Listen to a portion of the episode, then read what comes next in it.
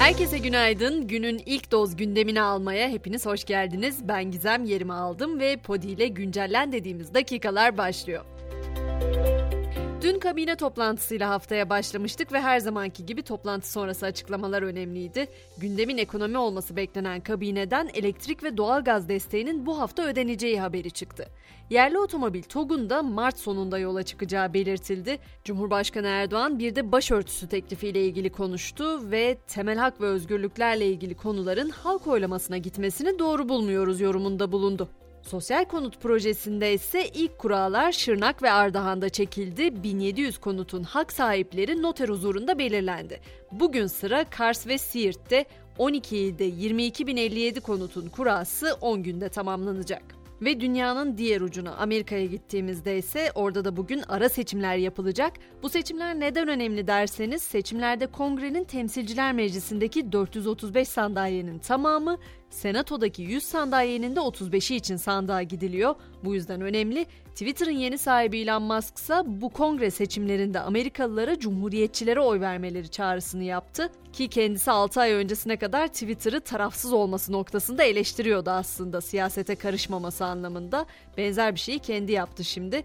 Başkanlığın demokratlarda olduğunu belirten Musk, kongre üyelerinin ise cumhuriyetçi olmasının denge için önemli olduğunu savundu. Avrupa'ya bakacak olursak orada da aslında değişen pek bir şey yok çünkü grev üstüne grev haberi var. Mesela Hollanda Devlet Demiryolları personel sıkıntısı nedeniyle tren seferlerinin azaltılacağını duyurdu. Bu nedenle tren seferlerinde değişiklikler yapılacak. Benzer bir haber İspanya'dan da geldi. Demiryolu işçileri maaş artışı taleplerinin karşılanmadığı gerekçesiyle greve gitti. 14 bin işçi 13 Kasım'da bir günlük grev daha yapacak. Belçika'nın başkenti Brüksel'de ise havalimanında sıkıntı var. Orada da yarın yapılacak grevin yol açacağı aksaklıkların önüne geçmek için uçuşların %40'ı iptal edilmiş durumda.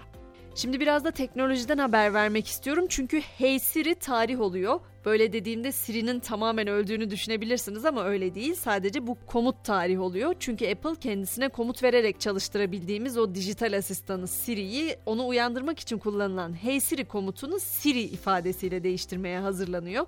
Yeni uyandırma komutunun önümüzdeki yıl veya 2024'te kullanıma sunulması bekleniyor.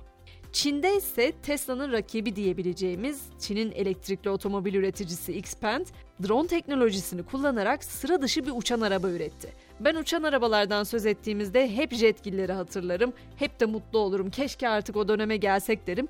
Dilerim bu haberle birlikte bu araçlar da gelişir ve artık bu çağı yakalarız.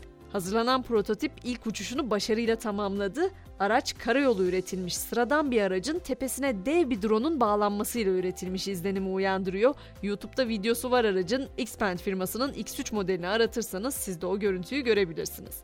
Tabi hayallerin sonu yok. Benim hayallerim jetgillerdeki uçan arabalar olabilir ama Mars'a gitmeyi mümkün kılacak adımlar da atılıyor. Kiminin hayalini de Mars süslüyor. NASA insanların Mars'a yolculuk yapabilmesi için uzaya bir ısı kalkanı fırlatacağını duyurdu. Şişirilebilir yavaşlatıcı adı verilen teknolojinin uçuş testi yarın yapılacak. Peki nasıl çalışacak bu sistem diye merak ederseniz onu da şöyle anlatayım. Uzaya gönderildikten sonra şişecek olan aracın Mars atmosferinin girişinde ve çıkışında sürtünmeyi en aza indirmesi bekleniyor. Bu sistemin dev bir fren gibi hareket edebileceğini düşünebilirsiniz. Ve gökyüzünden, uzaydan söz etmişken bugün Dünya, Güneş ve Ay'ın aynı hizaya gelecek olduğunu da hatırlatmak isterim. Kanlı Ay tutulması günündeyiz ve saatler kaldı artık. Bu 2025'e kadar son tam ay tutulması olacak ve saat 14'te meydana gelecek. Peki Gizem biz izleyebilecek miyiz diye sorarsanız maalesef o konuda haberlerim olumlu değil çünkü tutulma Türkiye'de gündüz saatlerinde olduğu için görülemeyecek. Spor dünyasına geçecek olursak Avrupa Konferans Ligi playoff turu kuralları çekildi. Temsilcimiz Trabzonspor'un rakibi İsviçre'den Basel takımı oldu. Maçlar 16-23 Şubat tarihlerinde oynanacak. Bordo Maviller turu geçerse Mart ayında son 16 turunda mücadele edecek. Süper Lig'de ise 13. haftayı geride bıraktık. Fenerbahçe dün akşam sahasında Sivas Spor'u 1-0 yendi ve ligde galibiyet serisini 5 maça çıkardı. Böylece Fenerbahçe liderliğini sürdürmüş oldu diyorum ve sabah güncellenmemizi burada noktalıyorum. Akşam saatlerinde tekrar görüşünceye kadar şimdilik hoşçakalın.